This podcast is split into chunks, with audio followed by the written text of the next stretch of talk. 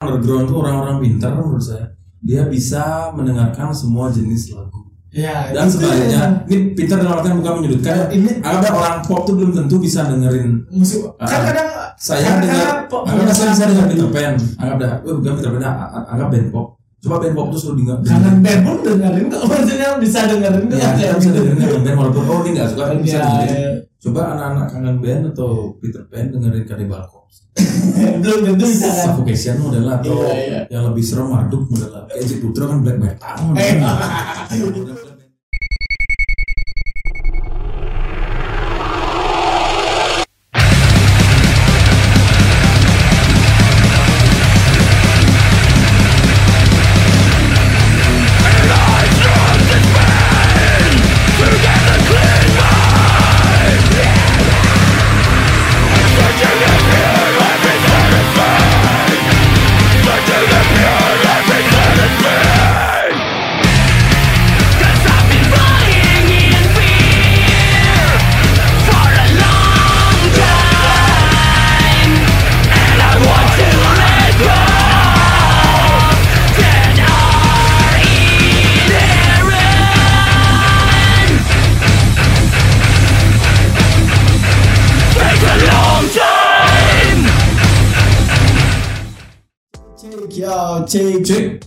Yes.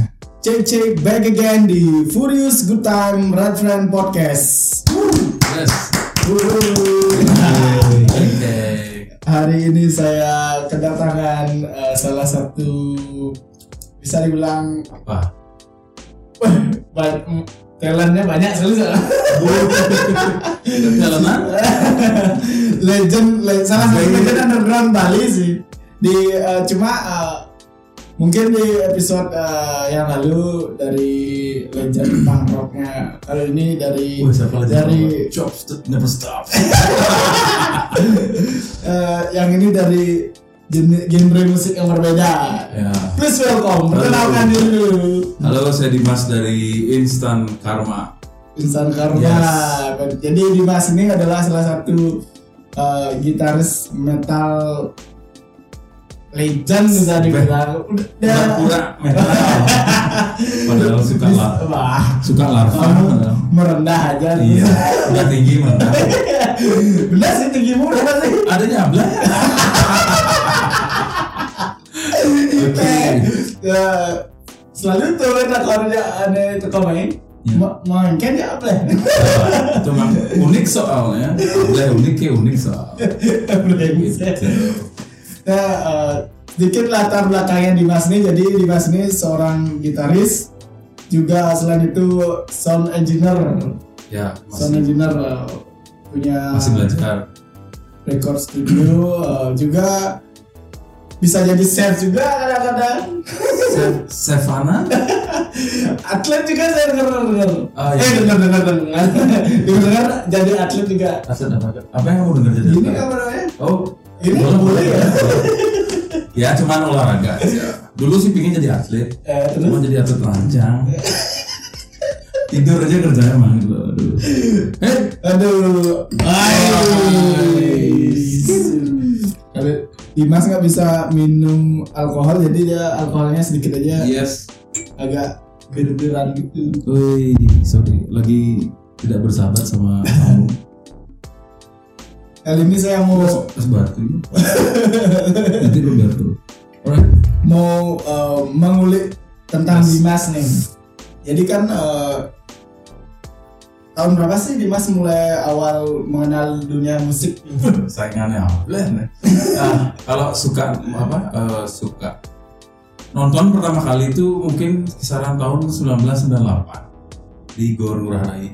Itu tiket masih 5000 Aku masih SD, SMP. Oh itu awal awal mulai musik. suka uh, diajak temen gitu Hmm. Nonton musik dulu setiap Sabtu di Gor itu pasti ada acara musik entah tuh yang dead campur pang entah dead aja entah pang aja Oh. jadi dari situ udah ada ketertarikan tahun, berapa tuh? mungkin kurang lebih 98 99 ya Wih. Sudah gini sudah Selera sudah mulai nonton apa acara cuman kalau tahu lagu apa tahu lagu musik pang awalnya dari kakak Oh. zaman itu kan dulu kaset satu kaset isi banyak band kayak apa istilah bikin kompilasi, Kompilasi. sendiri nah. di situ ada No FX ada Bad Religion. pangorama terus apa sih ceritanya panorama cuman kakak sendiri yang yang Nge-record. ah, nge-record sendiri dia suka ini ada campur-campur pokoknya. Cuman tahu musik keras dari kakak. Oh. Enggak sih keras tahu oh apa sih? Ini? kira Oh, musik keras musik yang gini. Ya keras musiknya. Dia keras padahal dangdut musiknya keras sih volumenya gitu. Bassnya keras semuanya keras ya. Treble treble-nya juga keras. Yes. Dan nah mas eh, kan eh, sebagai musisi nih nggak musisi. Musisi musisi underground Bali alat musik apa yang pertama kali eh, bisa Dimas mainkan? Pertama kali apakah apa namanya trompet kah piano kalau kalau yang apa nekunin dalam artian enggak sih jago-jago aja. Kalau nekunin gitar. Cuma Nah, nah ya eh, untuk megang alat musik pertama kali? Ya gitar. Gitar. Ya gitar. Cuman karena SD SD saya agak apa eh, membuat apa istilahnya mempromoin budaya jadi di situ ada kayak gamelan gamelan terus saya juga aktif main Hmm. gamelan gamelan Bali gamelan Bali ya terus saya Wis. suka jadi kalau nggak ada pelajaran bolos saya ke ruang tabuh kebetulan kok di situ kok nggak jadi penabuhnya bu malah jadi gitaris Iya nggak tahu juga ke mana apa keseretnya sampai di main gitar. Cuman dulu tertarik sama nabu karena ekstrakurikuler. Iya, ah, jadi- kulik kuler kulikuler. Jadi nabu. kalau eh, sekolah biasanya SMP di Bali itu jadi ada ekstra kuri kuri kuli kurikuler. kuriku kulikuler. Ya itu dah maksudnya ada ada ekstranya gitu, eh, ada pilihannya biasanya Hmm. menabuhnya. Ada kadang ada musiknya juga kan? Se- Setelah itu baru ada kelas kelas 5, kelas 6 baru ada kayak kesenian gitu. Oh dari SD Iya, dari bukan SD, dari ya. SMP ya? Oh Sudah jadi mulai, mulai tertarik denger-denger lagu kayak ibu di rumah muter kus plus, Oh. bapak juga eh, muter kayak gamelan Jawa madus Oh. itu ada. percampuran eh, plus plus dan gamelan Jawa, Gamelan Jawa. isi minor threat dan rancid juga. Wah, rancid. Oke, S ya rancid. Aduh. Nah, eh, Denger ya? oh, sekarang aku nih dah. Waduh, Kan dulu bentuk S-nya. Wah. Tidak lupa juga, thank you banget eh, dapat kiriman apa nih namanya? Mas? Oh, ini burger dari Petty Fire Petty 666. Fire. Usahanya Dimas ya? Udah teman Di support. di Boleh, boleh. ya. Petty Fire 666. Wih, Iya, ini punyanya vokalisnya Dimas ya? Yes. Dari Tegar, thank you Tegar. Nah, nanti dimakan. Nanti kita kamu aku makan. Review apa mukbang? Mukbang mukbang. Harus kan buat jadi gini mas uh, Yes. pertama kali membentuk band tuh genre apa yang yang yang Dimas pilih? Kalau pertama kali main band, seingat saya sih su- eh, istilah genrenya punk. ah Saya bawa apa nama bandnya dulu band pertamanya Dimas Oh, kalau kalau nama bandnya belum ada. Waktu Cuma- pertama kali cuma sering latihan ke studio, Hmm. bertempat dekat di rumah nama studio Sambia. Di situ jadi sering bawa Lono FX, The Bruce, habis itu Netral, Hmm. masih formasi lama sih si bagus, drummernya ya sama dia sama Bimo, bawa lagu de, lagu dia Desaku, walah, walah pelangi ya itu aja sih Iya, bola, iya. cuman bola itu kalau Rancid paling mentok di Taimo. Time Ya ya. itu aja bola, paling senang main musik di sana. Itu awalnya sih suka musik tapi kan keras menurut saya sebelum tahu modelnya kayak keras punk, greencore, Oh, crossover sampai yang nah, sub-subnya. Cuman awalnya tetap kayak sih semua band apa semua musisi underground kayak mengawali belajar musik itu lah dari lagu punk menurut saya ya. rata-rata sih Uh, dan uh, kebanyakan juga uh, kayak dulu itu kan ada apa namanya majalah-majalah apa buku gitar belajar gitar cuma Oh. kan nggak nggak musik punk musik-musik yang mainstream lah ah apalah Dewa 19 yang dulu dulu kalau Dimas dulu kena itu maksudnya uh, bisa dibilang belajar musik. Oh, kalau saya sendiri uh, sempat maksudnya dulu beli-beli chord-chord gitar Ah, belajar kalau beli pernah dulu beli di Matahari sama beli di Kesiman ada toko. Iya iya iya. Di Kesiman tuh saya ada. Iya.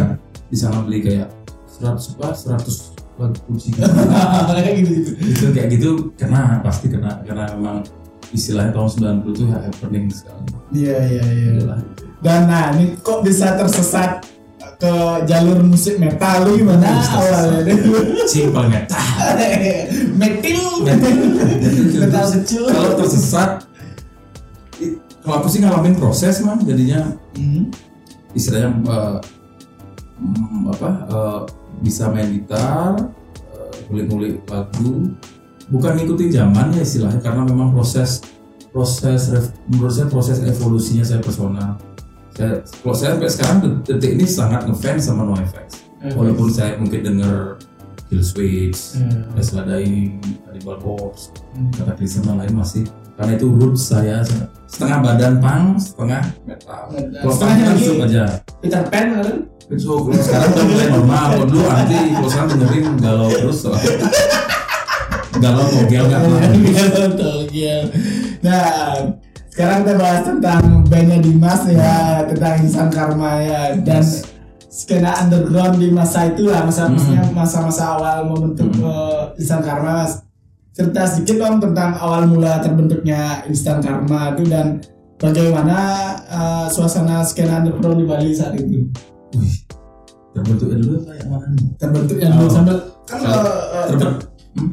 terbentuknya tuh pasti di saat skena underground Bali itu lagi mungkin banyak banyak band oi-nya ada band punk tapi Oh. ragu nggak band metal dan atau Oh. gimana emang ada scene metalnya Hmm. kalau ngomongin terbentuknya sih kurang lebih saya ngebangun Instan ini sekitar tahun 2002 2002 Nah, itu maksudnya ngumpul-ngumpulin yuk latihan studio. Hmm. kita dengerin waktu itu masih Morning Again. Ada band Morning Again, Snapcase kayak gitu. Akhirnya ya apa? Istilah serius sih cuma keluar ganti keluar akhirnya 2004 mungkin. Istilahnya udah udah klubnya di siapa sana aja tuh formasi awalnya formasi awalnya saya dulu gitar Iya. gitar dua ada Doni ini Nah, bass Teguh, vokalnya dulu Eh, Tusan dari Tusan. ya. Eh enggak, sempat ada saya lupa bukan Tusan Tusan waktu itu sibuk dia. Sempat menolak karena dia pernah punya band, Hmm. habis itu nggak jalan dia sibuk. Aku udah kerja sekarang mendingan denger apa nggak nggak main band denger denger aja Hmm. istilahnya. terus sam- sampai eh, formasi yang terbaru Nah, sekarang bisa drummernya yang drummernya itu namanya Ajik Sayang Jaya. drummernya Jaya Jaya Karma. Saudara tuh Jaya. Karma ownernya dari Brave Dari ya. Brave Boy, Pak Bos ya. Semoga keluarnya sehat, Jaya. Udah lahiran katanya. Iya ya, baru-baru aja habis Semoga lahiran. sehat menjadi anak yang berguna. ya tidak Seperti bapaknya lucunya. Aduh. Nah, dan kalau sekarang formasi eh, barunya siapa aja nih? Kalau formasi terakhir Terakhir, yang sekarang nih saya masih di 2020. gitar. Eh, basis ada Andra, Ya, And- oh, Andral sebenarnya betul fotografer juga ya. Iya, Andra Andra sama Oplet, si Iya. Oplet model. Iya. Tangan kanannya. Hmm. Habis itu, JA. habis itu gitar dua ada si sebenarnya tradisional sih si. Vito, Vito Hmm. dari Oh Anastasia. iya. Anastasia ya. Iya. drummer ada Gus Gus Dog. Terus dog Vokal yang ada- yang dari dulu tetap ngedog nggak Ah, ngedrive enggak sekarang, sekarang sudah putih deh. Sudah putih bersih ya. Habis itu vokal ada si Tegar. Tegar ya. Ah, gitu. Baru Itu formasi terakhir, kenalan ah. Tegar. Oh ya tadi di depan. Nah, saat dibentuknya tuh gimana sih suasana skena underground tahun berapa nih? 2004 ya? Anggaplah 2002 sampai 2004 ya. 2004. Kalau skena sih kan tapi kalau mau ngomong Masih ada global, maksudnya zaman Gorilla Buana. Oh, Gorilla Buana enggak udah udah enggak. kalau nggak salah 2000 udah ditutup, Hmm. udah tidak beroperasi lagi istilahnya. Kalau suasana sih sama aja, cuman saya sempat ngalamin yang tidak apa eh, gor tutup itu nggak ada tempat Hmm. istilah manggung tuh Kan bukan di Topati juga dulu pernah ada. ya di Gor Topati, di Gor Ngurah Rai, habis itu kalau suasana tetap saya salut sama pang pang tuh nggak pernah mati so, sampai detik ini menurut Iya. tetap rame dia kalau ngomongin hardcore metal dan Jadi metal tuh cocok dengan uh, gini Oh, ya apa mas nah statementnya pang ya pang not dead. Iya, Iya. saya apa istilah itu itu bukan mitos sampai sekarang tumbuh terus soal. Hmm. Kalau saya ngeliat secara, secara personal di Bali untuk metal itu mungkin ada tidak banyak, cuman tuh banyak Banyak. sekali. Iya. Istilah sampai i- istilah sampai dalam-dalam saya Sampai, ngeliat uh, tuh ini Dulu, masih dulu tuh sampai saya, nu ya ada pang pang kentrung tuh masih. asing makanya banyak nggak tahu kenapa bisa bertahan mereka nyaman dengan hal apa dengan attitude dan Attitude, ya. musik punk udah Kita yang suka aja belum tentu bisa menjalani dia, seperti dia. dia masih bisa itu kalau suasana sih tetap enak aja waktu itu istilahnya akhirnya mainnya sempat di bukan ah kalau dulu tuh kayak gor tuh bergengsi. Gor Hmm. basket gor di apa gor di Ngora itu bergengsi udah main di sana tuh wah. Udah, istilahnya oh ya udah main di sana akhirnya. Hebat. ya sampai di titik kita main di kayak The Wave Nah, apa di sih kafe-kafe ada ya, di kafe. ya klasik kan. kafe oh klasik kafe itu lama sekali Iya, iya. sampai main di titik sana sampai mungkin kalau saya personal Hard panggung Rock kan juga dulu sering ya. hmm nggak tahu sih saya, eh, kalau Instagram belum pernah main di Belum. Hard Rock mungkin launchingnya mau main Wah, Wih, halo. Halo. habis itu um, eh, sampai Jak Resto. Ya, Nah, itu menurut saya secara personal tuh Jak Resto tuh menjadi kayak panggung yang besar buat Instan Karma karena banyak acara besar eh, acara besar eh, ada di sana yang bikin di sana. Iya, iya. Dari zaman dari dari zaman uh, undergroundnya bisa bilang dari gor gor gor antara gor Ngurah Rai, gor Topati segala macam sampai bisa Eh, sambil makan boleh boleh sekali Hai. sampai ke kafe-kafe lah bisa dibilang. Iya, akhirnya di Bali. Nah, kalau dulu uh, ada ritual khusus ya insan karma saat manggung? Karena karena setahu saya maksudnya dulu kan di skena underground metal tuh ada aja band punya ritual khusus entah makan ayam apa mungkin makan burger Ya dulu saya makan kalau sekarang ini makan ayam Kentucky. Enggak kalau ritual enggak. kan ada ritual Dulu kan bukan ya nama harus wah mabuk tuh deh mabuk baru kalau ngomongin minum sudah pasti itu rit- ritual ya. Cuman karena apa? Saya bukan peminum, cuman biar istilahnya ngedenin Bayu istilahnya. Ya. Kalau zaman dulu minum ya biar pengentar sebang Iya, sebang. pas lebaran ini pengentar sebang istilahnya kayak gitu akhirnya ya bukan akhirnya ya itu udah ritualnya band minum yang pasti cuman mungkin dua sloki tiga sloki oh jadi karena saya pernah minum dalam kondisi mabuk membawa musik membawa musik metal that's a fucked up. Nggak bakal ada orang tuh Nanti, mabuk mabuk. Nanti nanti. Maksudnya oh mabuk keren udah mabuk Nah. apa bisa itu nggak, uh, apa pengalaman buruk atau pengalaman yang tidak terlupakan mungkin menurut uh, di masa konser sama Instan Harman mungkin pengalaman apa nih? pengalaman buruknya lah. Hmm. Entah soal mati di tiba atau Kalau gimana soal mati kan mungkin standar saya saya ingat ingat dulu hmm. Hmm, bukan terburuk ya jelek Ya. bilang terburuk saya kita diundang di Unut Hmm. habis itu kita sound check Eh, di aulanya saya lupa apa di Unut kita sound check udah tiba-tiba saya iseng nanya ini kok ada kursi rapi? Sekali ini buat siapa? Kata buat rektorat jadi buat dosen. Aku mikir soalnya beberapa dosen masuk itu sudah dalam masuk umur tua. Iya. dan aku istilahnya sadar. Dia ngebawa musik, musik ah, kita bawa musik metal nggak dia nggak dia gini apa istilahnya nggak dia nggak enak. Terganggu, terganggu. terganggu itu kalau ngomongin kalau ngomongin jelek nggak ada cuman itu unik menurut saya. Jadi Dia di depan kita konser bawa musik musik metal yang dengerin bapak rektor. apa-apa rektor oh salah ya. Ah, saya ngobrol sama panitianya udah nggak apa-apa sih saya nggak jadi main yang yang bisa berkenan aja. Mungkin kalau melodi punk masih Iya, masuk istilahnya kalau gini apa kalau musik metal sebenarnya sih nggak keras-keras sama cuman kita menghargai nggak yang memboyo harus wah ini Iya. harus main nih harus tuh nggak Katanya juga saya pernah dengar dulu sih bu, di pas pernah cerita film malam katanya kan uh, Isan Dharma nih metal Hmm. kan penuh distorsi lah. Hmm. Ternyata sound iya, iya. gimana gimana tuh gimana tuh cerita? Gigs di mana tuh? Masih ingat kah acara apa gitu? kalau nggak salah granat ya Granat. Mm-mm.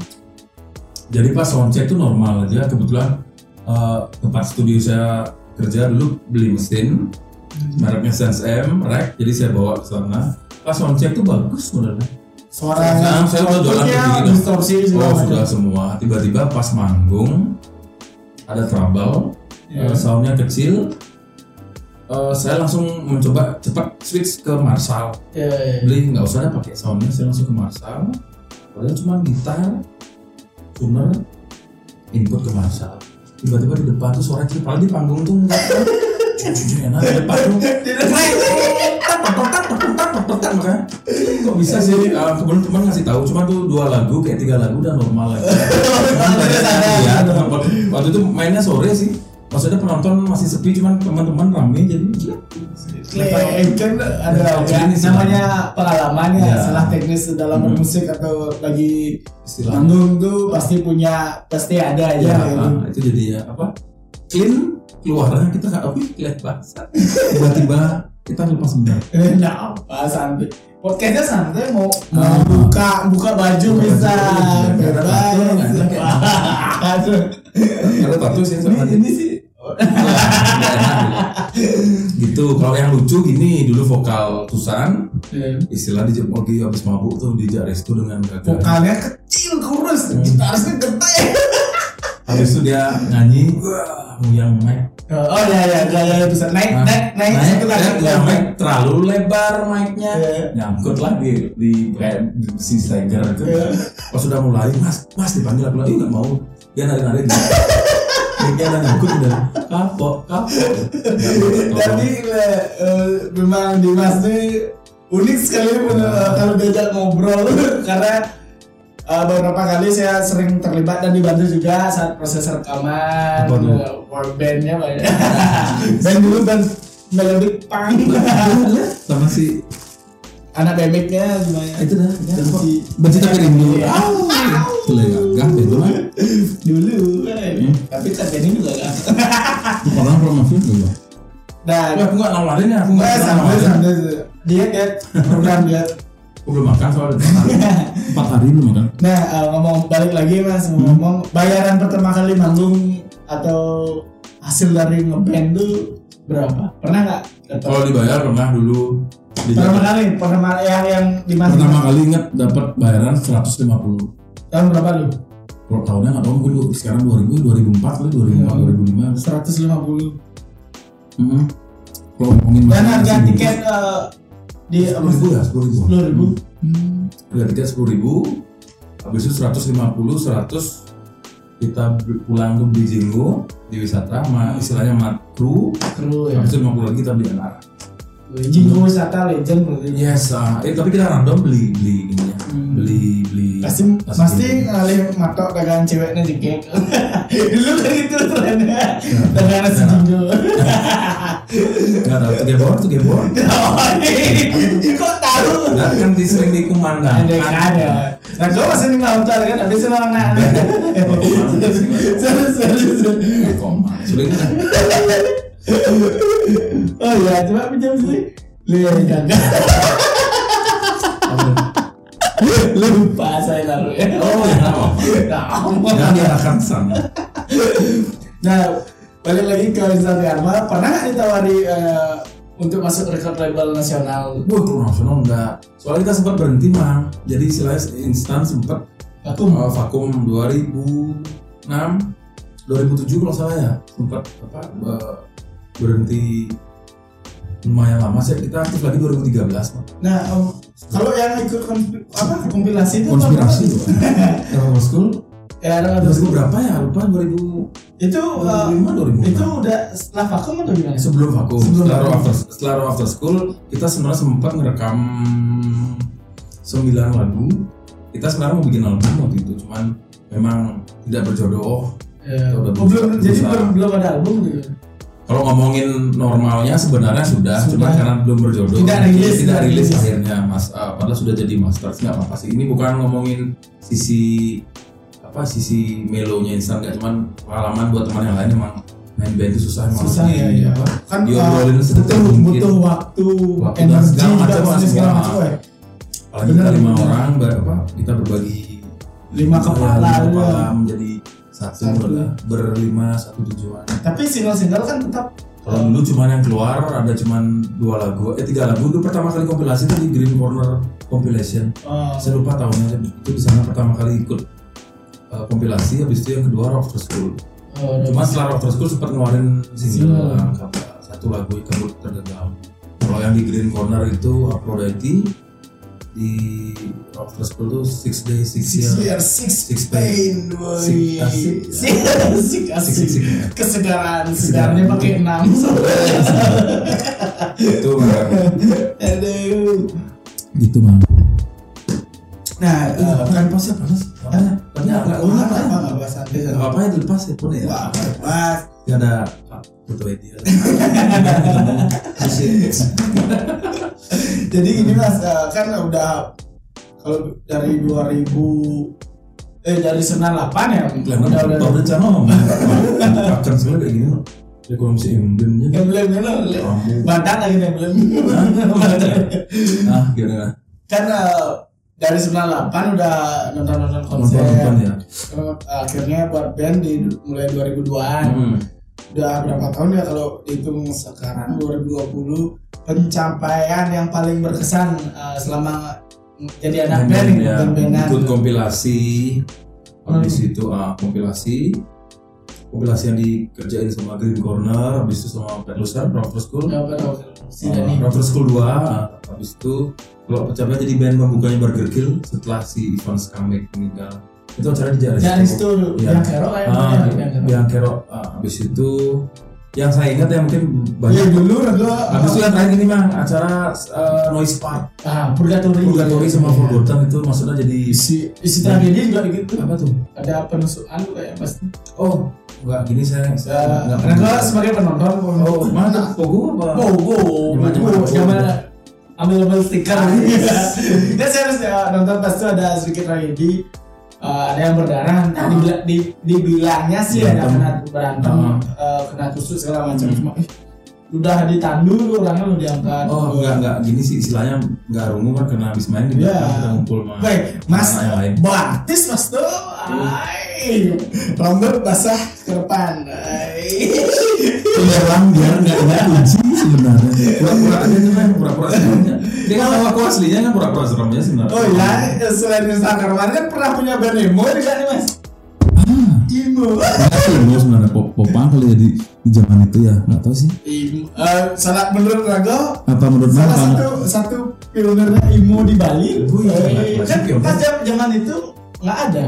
Iya sih tapi Apa apa namanya itu? The Marbles. The ya. Marbles.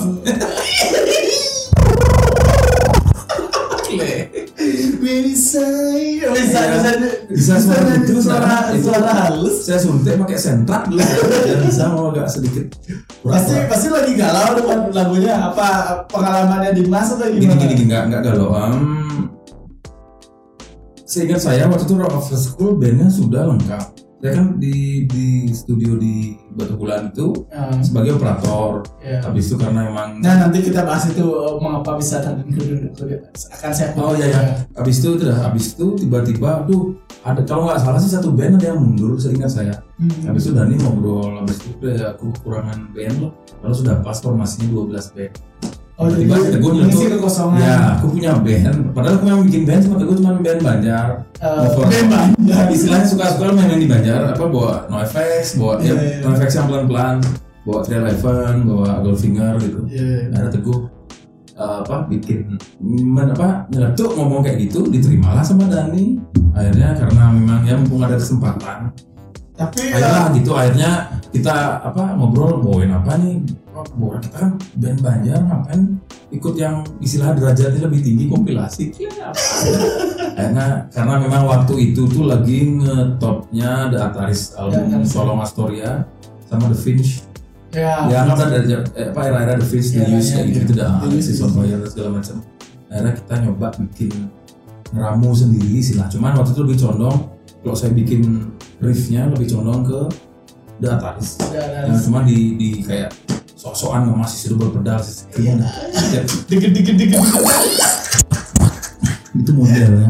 itu istilahnya uh, akhirnya sangat eh, memberi warna di kompilasi itu mas karena kan eh, Ya, genre tuh istilahnya ada banyak biar pemirsa ada. Snapbox yang band-band namanya Mas. Snapbox, Rupert Clown, Weh, al genre lah Ya. bilang ada Devil Dice Criminal. Soul Criminal Soul, Ah. Punknya, eh, apa bandnya kece aduh. ah The Morse. The Morse, ya, ya, kecek weh. cemang cecek kecek. Itu juga banyak. Maksudnya salah satu kalau nyentuh kasar nggak apa-apa nggak apa-apa nyentuh kasar. Wah, ya kasar Bali itu orang santai kok bro. Iya, iya. terus nggak. Iya kan Masuk. Terus? Nah, eh, balik lagi gigs underground yang terbaik menurut Dimas. If, satu event aja. Satu event yang berkesan maksud, eh, maksudnya lepas dari manggung di gigs. dari pertama kali ngeband sampai sekarang Iya. apa Dari pertama kali ngeband bebas. Kutu Carnival kali ya Udah, wih, tahun berapa lu main? Eh, lupa 2000 mungkin 2000 Yang an rocker rocker kan? kalau nggak salah saya lupa. Nah, karena saya waktu itu dapetin vibe sore Kita main sore kan Pinggir pantai. pinggir pantai. secara personal mungkin suka wih enak sekali suasananya. Senja. Iya, senja. senja tai. Setengah Jawa. senja setengah Jawa. Kayak senja kopi senja kopi. Langsung memah. Mama. itu maksudnya sore sore itu enak. Bir waktu itu bawa saya ingat ke atas bawa bir dingin. Eh, situasinya atau vibe nya enak sekali. Jadi gigs yang sangat nyaman nyaman berkesan ya untuk personal untuk personal atau teman yang lain. Dan untuk genre istana teman Iya, iya. Itu. Nah, ini, ini nih yang sekarang paling seru nih. Bahas tentang eh, dunia Hmm. sound dan recording studio nih. Karena Dimas nih, jadi selain gitaris, dia mempunyai skill sebagai operator. skill. Bisa eh, dibilang apa sih bener nggak sound engineer? Hmm. Bener ya, sound engineer. Sony benar penemu suara Gimana sih awal mula bisa terjun di dunia sound engineer dan Hmm. recording itu? Pernah Detail sekolah, mungkin Diskusi pernah kok. pernah sekolah sound kah atau gimana? Ceritakan sedikit dong tentang uh, awal mula meniti karir sebagai sound engineer. kalau ngomongin suka atau enggaknya awalnya sih biasa aja cuman dulu saya di sering ikut sama teman si Teguh Rockness Hmm, Teguh ah Rockness. dulu punya band namanya Too Bad Too Strong Too Too Strong Ah. langsung Brood Devil. ya waktu, waktu itu Too Bad Too Strong rekaman di jam lupa ya 2000 berapa Too Bad Too Strong rekaman 2004 kali 2003 itu habis recording lumayan mahal di zaman itu Hmm. Recordingnya di mana? Eh, kan gak enak sih gitu. Oh, iya, iya. Ah, istilahnya recording di Hmm. zaman zaman itu habis itu ya akhirnya sama teguh ngeluh memang sih hasilnya di zaman itu bagus cuman deng Bayar 10 mahal. lagu 10 lagu lumayan bayar mahal aku sampai jual mesin lagi sama dia Oh. akhirnya iseng-iseng gue bikin aja yuk coba gitu akhirnya tempat recording yang teguh rekaman ngejual mixer nah dibelilah sama kita akhirnya kita coba-coba Oh. akhirnya pertama kali project pertama kali rekaman kalau album di selain Di selain yang Ya itu saya ingat masih bass drum tuh pakai botol bir, Iya. mic, kita ikat. Di di Rockness ah, di Rockness ya awal dulu kan di, di Rockness awalnya albumnya di yang apa namanya covernya? pertama sekali album pertama dia. Siapa namamu? Kalau nggak salah itu ah. Yang itu deh. Album pertama cuman ada 8 track aja. Itu apaan? Virtual bos bos bayar 8 cuman apa? 8 track aja ya. Wih, Dari satu awalnya. informasi bersejarah nih. Ya istilahnya karena tapi saya waktu itu belajar bukan di sana karena saya jujur dulu agak takut-takutan megang mixer karena takut kehapus dan Hmm. hilang karena memang waktu itu kan istilahnya Dulu masih apa? Komputer tabung gitu. komputer tabung master itu masih disket Disk. Eh, yang setelah pakai hapus pakai hapus jadi master Iya, gitu Ah, ah, apa dan akhirnya saat saat satu momen kita memang oke kita harus naik naik tingkat nih. Kita harus punya sound card. Dijual lah mixer itu ke teman di Gatsu Oh. Ah, di, di apa di Gatsu akhirnya kita sharing-sharing akhirnya dia tertarik oh kok tumben mau ada waktu itu kalau nggak salah di Bali sih mungkin ada studio rekaman tapi yang paling legend emang di Om Jimmy Sila almarhum di Mini Quest Hmm. cuma di Bali wah ini istilahnya mungkin studio underground tapi ada juga dulu kalau kalau mau, mau mundur sedikit kalau underground ada di, di underdog Underdog ya kan, tuh ya, ya, istilahnya ya. banyak sih sebenarnya cuman yang istilahnya menembus digital tuh mungkin pada waktu sih di Rocknas istilah akhirnya kita gabung bertiga Hmm. kita urunan tapi kita buka dulu di Gatsu di Gibraltar Berarti bukan dari sekolah sound itu. setelah itu sempat bikin sekolah di zaman itu mungkin sekitar 50 juta cuma enam bulan akhirnya kita berpikir kalau memang ada 50 juta istilah tuh bayar sekolah kenapa beliin alat gitu lah Ya. istilahnya Itu Islam mungkin itu salah mendingan sekolah biar kita tahu akhirnya kita otodidak Tapi kan menyesuaikan kemampuan ya juga, istilahnya pastinya. waktu itu apalagi zaman-zaman itu ya lebih apa uang susah, ya usaha gitu susah. bisa sih apa Pingin maju tapi bisa sih waktu itu saya masih melihara tuyul itu. jadi uang tuh gampang sekali nah, nah istilahnya gitu akhirnya cara susah paling cepat. Cara sukses itu adalah 3M. Ini kakek ada melihat, meraba, mencoba, dan lebih cepat lagi tuyul. Tuh, akhirnya eh, kita join bertiga. Buka di Gibraltar, sama namanya Rocknas di sana. Oh iya ada dulu. juga kalah. Di- Setelah dari mixer kecil di Slam, di Rocknas, akhirnya kita nggarap Devil Dice dan Criminal Expo. Wih, Itu pertama. Penyaing Ranangkano. Iya, kalau nggak salah sana. Habis Habis PDS. Punk. Yes, Legend. Nah, dan sampai akhirnya Dimas memutuskan buat eh, studio recording sendiri yang Ah. bernama Fortune Fortuna Recording Studio. Wih, record, record, no record. ceritanya ceritanya bir lima Eh, eating. Ya. Terus untuk memutuskan eh, membuat usaha sendiri bisa dibilang ya. ah waktu itu Berdiri sendiri. Hmm. Gimana awalnya?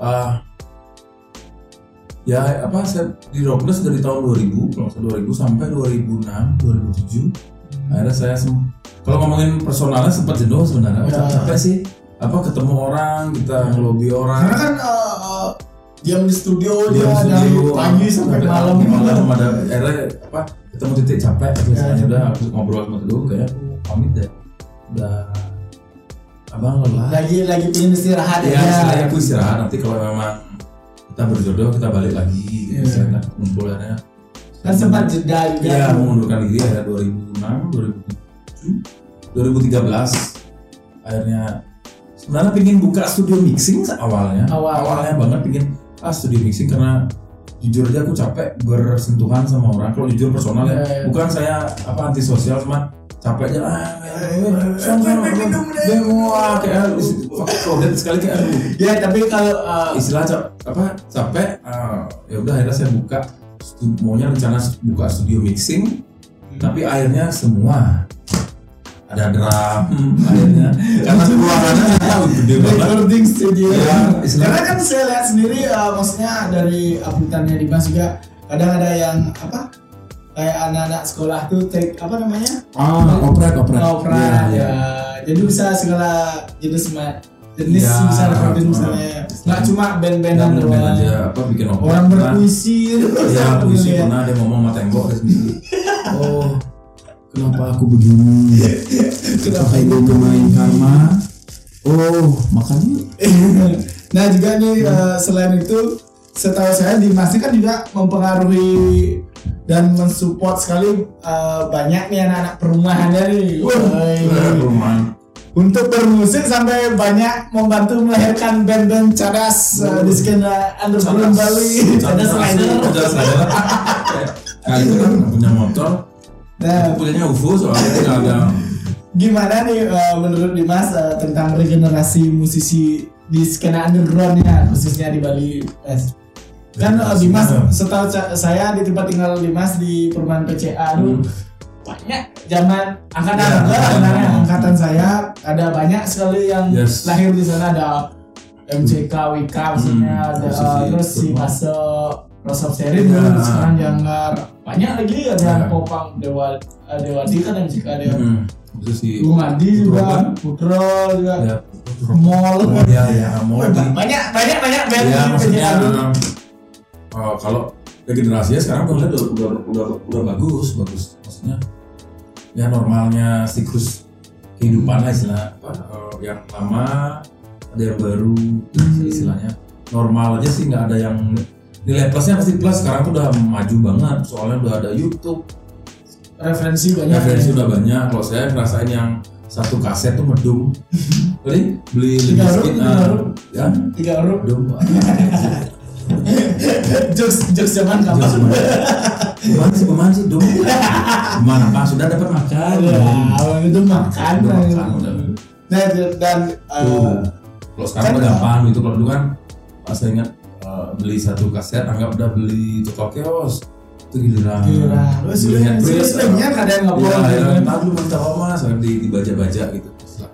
Nah, eh, gimana sih cara Dimas tuh berbaur dengan eh, generasi baru? Kan generasi baru tuh cenderung membawa referensi musik baru, Ah, maksudnya warna-warna baru lah eh, di skena underground tuh. Karena jujur ya nggak semua, maksudnya orang-orang lama tuh bisa, Bisa menerima Hmm. masuk karena pasti Ya mau nggak mau biar bisa berbaur sama istilah generasi yang sekarang pakai susu kan, biar bisa diterima. Nah, ada maksudnya ya nggak tahu ya saya sih saya menerima perubahan soalnya. Apa pun istilah menerima perubahan jadi nggak yang ah, istilahnya Saya perubahan sih tiba-tiba tiba-tiba besok ada band baru yang bagus anak-anak SMA ya mau nggak mau diterima emang, dia. bagus ya? Emang bagus ya emang bagus gitu. Kayak dulu saya ngefans sama Glass M. Hmm. ada band Glass M anak SMA gila. Dia rekaman di studio. Sempat mikir pesimis katanya ngapain ya anaknya pakaian-pakaian sekolah SMA ke studio rekaman. Tiba-tiba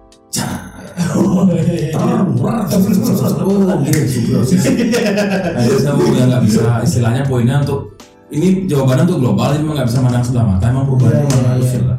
Ya. jadi saya bisa nerima. Kalau mau Tapi kalau kalau bergaul sih ah, kalau bergaul sih kayaknya istilahnya gini sendiri sweet sendiri ya. Hmm. istilahnya normal aja eh ketemu lo kayak ibaratnya mungkin sama enggak sih dekat maksudnya kayak sama anak-anak human autopsi sama yeah. killer maksudnya karena emang udah circle kita underground udah kayak saudara semua. Iya, itu Nggak ada jeda Bali ya, maksudnya mau genre punk, Ah, metal, ah, hardcore segala macam tuh nu timpal, Lu masih masih masih nggak ada nggak ada batas istilahnya mungkin kalau emang nggak pernah ketemu mungkin kita belum berjodoh aja. Mungkin Iya. banyak band-band yang Tapi Dia uh, bikin- kadang-kadang ini juga uh, karena bukan bukan misalnya uh, saya dulu nggak kenal sama Dimas, tapi sering lihat udah Iya, sering sering. mungkin kayak- uh, kayak gitu uh, saya juga nonton sih. konser uh, Hmm. akhirnya kenal dan keren mau keren sih.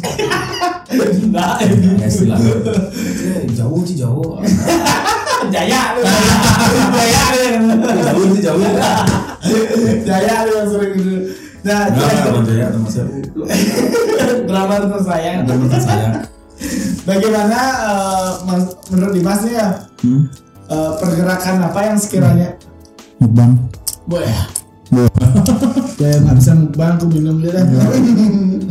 Nggak bisa ikut mukbang. Sekiranya Dimas eh, apa sih pergerakan yang diperlukan untuk eh, membangkitkan lagi eh, semangat skena underground Bali itu?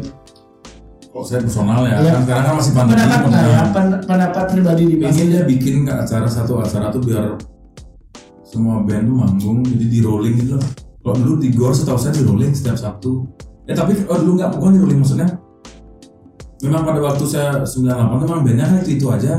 Jadi itu dia main jihad, Blacken, Noise Inside, Hmm. sama Madness dan segala macam. Kalau sekarang pinginnya memang ada acara reguler, kayak yang pernah dibikin sama BIM Iya, suka iya. Ah, jadi eh, istilahnya dari yang ya ini istilahnya bukan masalah eh, apa eh, bukan masalah apa sih ya? Band lama atau band band baru? lama band lama fuck off lah udah lah Eh, kayak apa istilahnya kalau di kantor dia? Apa senior senior senior? nah itu tai modelnya nggak nggak ada kayak gitu. Nah, jadi dibikinin acara kayak gitu mungkin jadi biar berbaur jadi Jadi buat buat yang istilahnya yang punya band lama bisa manggung. Kan memang kita kekurangan panggung Gigs, sebenarnya ya. gigs ya. yang lama bisa main yang baru bisa Nah, kasarnya unjuk itu gitu. sih maksudnya uh, yang ini diperlukan. tamu yang ada ska ada yang kalau dulu kan nyampur sebenarnya ska ada sampai sekarang masih. ya istilahnya yang metal Nah, itu sih kalau saya personal. Momen-momen itu yang diperlukan Hmm. uh, untuk apa namanya dalam skena itu biar bisa lebih berbaur yang uh, lama bisa menerima yang baru, Hmm. yang baru bisa menghormati yang lama. Iya, Nah, sebenarnya kan? sebenarnya itu otomatis nggak usah dibilang sih udah Iya, iya. sudah gini dan kalau saya personal sih jujur nggak haus haus banget om apa haus haus haus kok Ya sudah ampun sih. Bang. maksudnya sama nggak pengen dihormatin cuma pengen dikerek aja bisa kayak bendera Ya, kayak gitu dah modelnya saya nerima karena saya emang di kerja di studio di samping apa banyak kenal sama orang mah oh Bang apa apa tuh berevolusi, berevolusi. Sebenarnya nggak bisa, ya. nggak bisa. Nah, nah ngomong-ngomong nih eh, pertanyaan pribadi nih dari Nah. saya. Kalau harus memilih eh, genre musik, lebih memilih metal atau punk, Dimas? Kalau personal, Ya. wih, berat. Iya, Kalau disuruh milih ya, ya, ya. hmm, tetap gitu ya. Po- kondisi sekarang apa global? Kalau bebas, bebas kok. Ma- di saat ini, di saat ini, mungkin lagi dengerin eh, lebih ke punk atau dengerin. Kan eh, saya nanya saat ini, bukan nanya yang dulu atau yang ke kalau saat ini ya masih di seputaran metal. metal ya.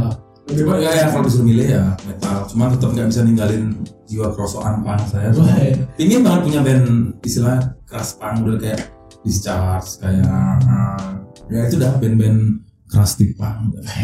Nah, Tapi ada moha. kan eh, pilihannya Dimas nih lebih cenderung kalau kalau sekarang nih eh, Hmm. ke senang yang ke genre metal. Oh.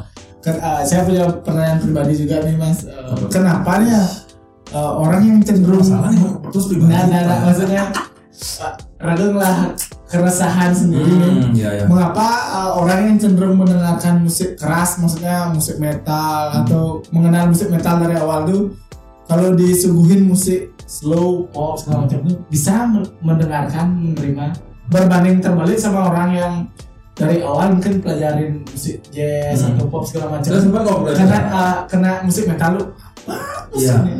Kenapa gitu saya ya? bisa mengakui sedikit sombong istilah mungkin nih orang-orang underground tuh orang-orang pintar menurut saya dia bisa mendengarkan semua jenis lagu Ya, dan sebaliknya ya. ini pintar dalam artian bukan menyudutkan Ya, ini ada orang pop tuh belum tentu bisa dengerin musik Ah. kan kadang saya Karena dengar pop punya saya bisa dengar Peter Pan anggap dah oh, bukan Peter Pan ah, ah, anggap band pop coba band pop tuh suruh dengar kangen band pun dengerin kok maksudnya bisa dengerin ya kita bisa dengerin kangen band walaupun oh ini nggak suka tapi bisa Ya, dengerin ya.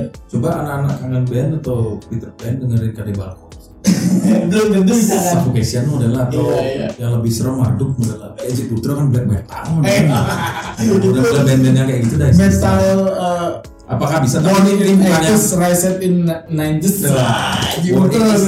maksudnya ini bukan gini ya bukan persaingan cuman kalau saya personal juga ngeliat itu pasti band-band pop nggak bisa dengerin musik yang paling keras. Dia Iya. cuma anggap dah yang mungkin kayak Charles Bronson. Iya, apa itu mungkin kalau apa kayak Pan bisa denger No Use for Name Rancid masih bisa, Bisa, Mungkin ya. ini ada yang lebih sadis Bisa, ya. Kayak gitu ya. mungkin mungkin nggak bisa Berarti sebenarnya orang-orang underground maksudnya Ini cuma di analogi aja, istilah- istilah orang di jalur metal metal tuh lebih lebih punya perasa yang open, lebih ya, open mind kalau ngomongin perasa kan semua perasa istilahnya anak-anak Iya. itu dan underground. yang menjadi pertanyaan saya kayak iya nak nak Bisa. iya itu bisa nah selain bermusiknya. saya denger Jason Renti pun bisa. Iya cuman coba ah, ketemu Jason Renti no coba stress maksudnya Ya. uh, band Bali no stress Yes. dan lembut lembut tuh udah masuk kok. Ya masih masih kita bisa nerima, nerima. Walaupun jiwa udah lah pancang pancang metal atau anarki di dunia anarki di lumut. Tapi dengarnya ya itu Iya. stres gitu kayak udah. Nah di kembali lagi ke di personalnya Dimas nih eh, selain bermusik nih punya hobi yang beda nggak? Hobi lain lu? kalau hobi sih hobi selain musik sebenarnya nggak ada cuman kalau diarahin ke olahraga ya lagi mau belajar karena pandemi sekarang mau Iya. belajar jogging Jogging. Ah, Tapi kan uploadan Dimas kalau ya kebetulan pasti. ya, kebetulan di Basket, uh, basket. basket itu kan karena lapangannya ditutup Hmm. Oh, karena di di lapangan di perumahan. nggak boleh lapangan di perumahan nggak apa ditutup kita numpang sama satu yayasan sekolah di sana jadi ya sempat kebetulan saya meg- kenal sama kepala sekolahnya Ah. di telepon mohon maaf nggak bisa main basket lagi sebenarnya bisa sih di gor saya- banyak teman saya kayak Gigo Iya, Wow, yang yang Edwin, metal-metal uh, semuanya. ya saya lagi Main mau bas- mendalamin apa jogging aja sih sebenarnya sambil Oh mendalami dalam artian perkapan. ya meditasi. Meditasi.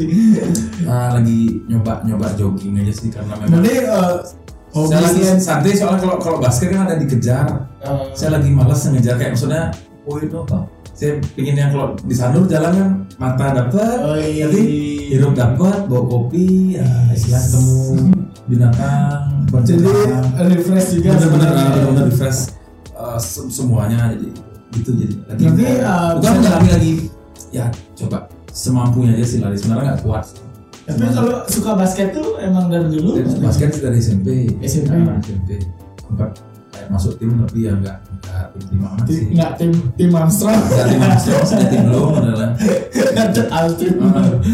Nah, uh, nah kan Dimas ini suka basket. Mempengaruhi nggak tuh uh, dalam passion saat bermusik atau gimana? sempat Keseharian. bikin bang manggung tuh pakai baju basket Jersey, Karena jersey basket cuma sekali dapat main di lapangan pitik Wih, acara apa lapangan pitik di Pedungan nah, Iya, iya. diundang main ah pakai baju basketnya kebetulan kayak Chicago Bulls dua tiga Jordan sih ya, gitu pakai Jordan. iya Nah Jordan sekarang metal hypebeast. Iya, sekarang metal hypebeast. metal hypebeast pakai Jordan. Nah, udah mau di penghujung podcast kita nih. Tapi tapi uh, sebelum uh, berakhir kita ada bukan game siapa sih namanya? Ada best of three ya. Waduh. Jadi ntar saya ngasih pertanyaan, Dimas harus menyebutkan tiga hal yang yang sangat mempengaruhi dan Dimas sukai.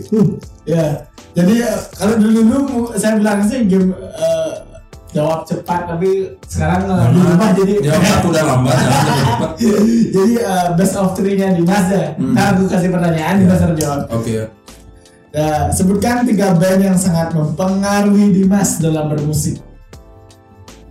sampai sekarang Ya dari awal sampai Oh. sekarang yang yang benar uh, bangkitin memorinya di Mas Oh, gue bisa musik uh, Oh. dari kuliahnya sebenarnya banyak sih cuma Ya, harus pilih tiga ya, aja. ya. Rangkum tiga. Eh, satu no effects No effects, habis itu main agak keras ke exploited exploited, yang terakhir kill switch kill switch. Ya.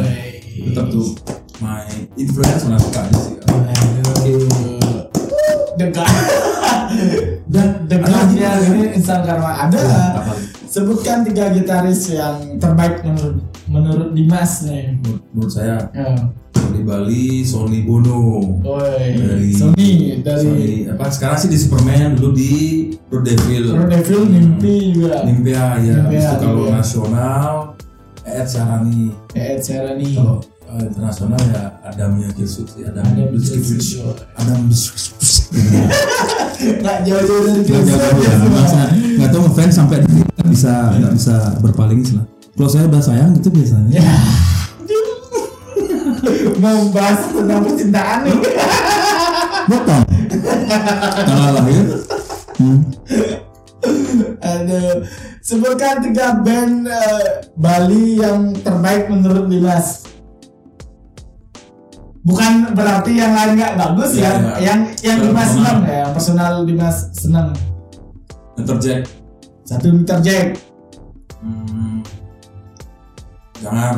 Jangan.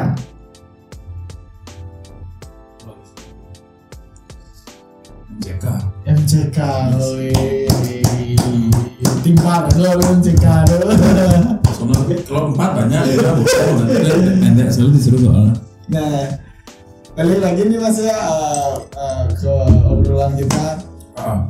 tentang Instan Karma. Yes. Pergerakan apa yang sedang dilakukan dengan Oh ya. teman-teman Instan Karma? Kita lagi nyelesain tugas orang band, tugas sebuah band kan. band. Kita lagi bikin album. Album boy, kan dulu Sudah- sempat tadi sudah sempat tertunda. Mudah-mudahan lancar. Mudah-mudahan bisa tahun ini kalau nggak paling lama tahun depan deh. gitu. Jadi proses sudah 98 persen. Kita untuk lagu lagunya udah sih nggak ada nggak ada apa nggak ada revisi yang sangat. Wah ini harus Oh, ini iya, nggak ada. Paling dikit-dikit aja. Kan eh, kemarin juga sempat habis rilis musik video. Video klip. Ah, video klip Iya, ya, iya. MV, MV MV. musik video. Oh, itu namanya Iya, iya. Kamu, kamu harus update. Oh. Mas tinggal Aku belajar meditasi ya soalnya. Betapa terus. Nah kemarin uh, habis rilis uh, musik video uh, Instan Karma yang berjudul apa? My Clarity. My Clarity yang featuring sama Boker sekarang bang, Hmm. boy Clay. Tapi ya, Boker Micet memang. yang yang ngidang buka jempolnya. So, kasih.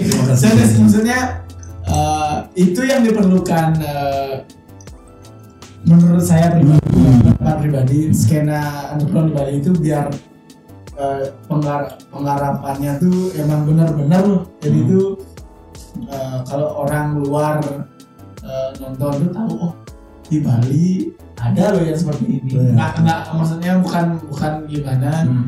Kayak The Disneyland kan rutin tuh buat video klip ya Iya, emang, iya, emang, iya. emang emang Ya ada emang.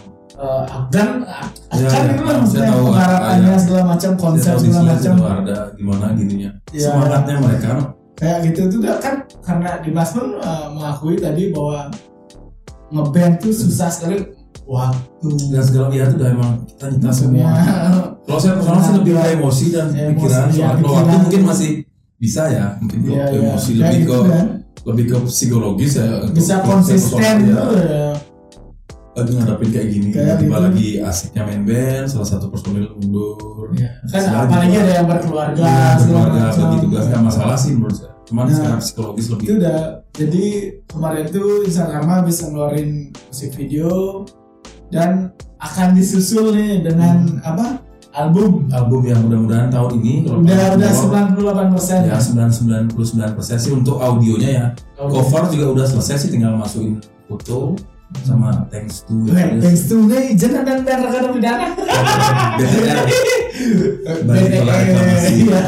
kita pirindu Eh, jadi dulu tuh bener-bener kalau eh, nama nama nama band kita ada di cover senang banget senang banget Hmm, maksudnya hmm. kayak kayak Hmm.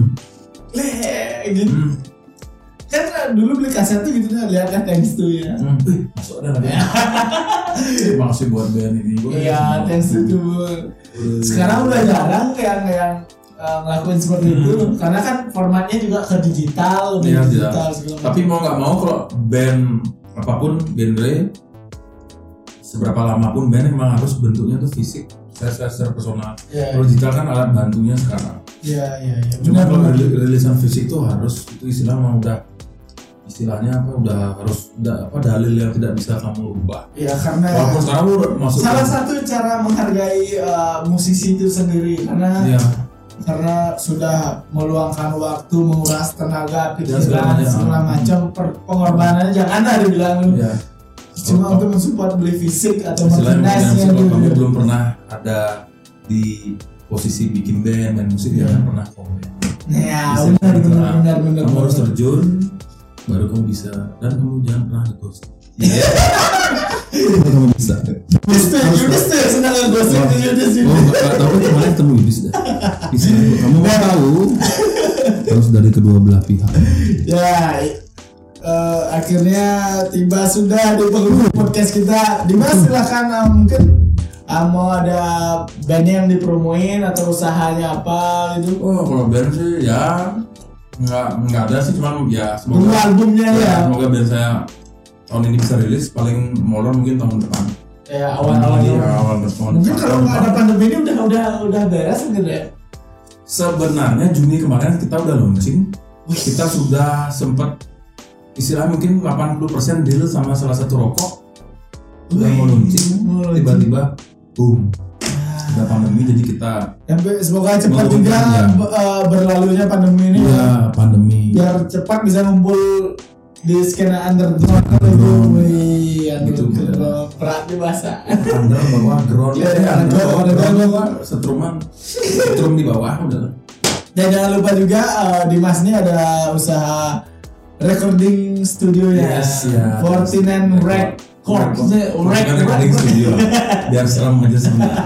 Karena saya ngefans sama Fat Mike kan dia punya studio Fat juga Fat Rec. Fat Rec, ya. Rec itu sebenarnya ya kayak recording ya. Ya, Bahasa jadi slangnya buat teman-teman yang punya band atau Ya. dia operate apa gitu Ya mungkin Mau band, baca puisi. dubbing dubbing film juga bisa ya. Bisa datang ke studionya Dimas Ya, alamatnya di mana di perumahan Pugu Chandra Asri. Ada di Instagram. ada Ya, ada tinggal Google Map bisa ya Google Map bisa. bisa Gampang. di jalan dagang arak ke di itu Paman Paman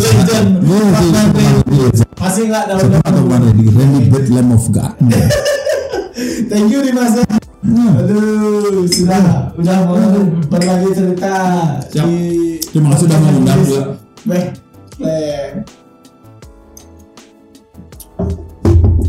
beh. you thank you mas ya Yuk siapa? Eh, jangan lupa subscribe dan komen di bawah di channel kita support terus eh, biar bisa ngundang orang-orang yang bisa dibilang jarang mendapat panggung Ya. untuk maksudnya kesempatan untuk ngomong ya. ya. Karena like, sebenarnya di Bali itu subscribe, lonceng. ya. sebenarnya di Bali itu skenanya banyak sekali. Saya eh, maksudnya mau mulai dari teman terdekat dulu mas. Oh ya, ini kita temenan ya? Kira musuh. Guru saya guru nih. saya. Maksudnya eh, ingin mengangkat skena-skena di Bali bahwa di Bali itu metalnya hidup, Ada. bangnya hidup, oh iya, Iya, pop, semua macam ya. Di Bali itu emang Apa semoga aja? aja bisa berjalan terus juga podcast ini dan bisa ya mensupport skena di Bali. Hmm, Jadi ya. wadah sih. ya mudah-mudahan bisa Thank you for watching. Enggak sih kan? Enggak sih. rahasia itu mah harus meditasi kan mah Emang agak susah tuh ilmunya nanti. Thank you mas. Ya. Bye bye.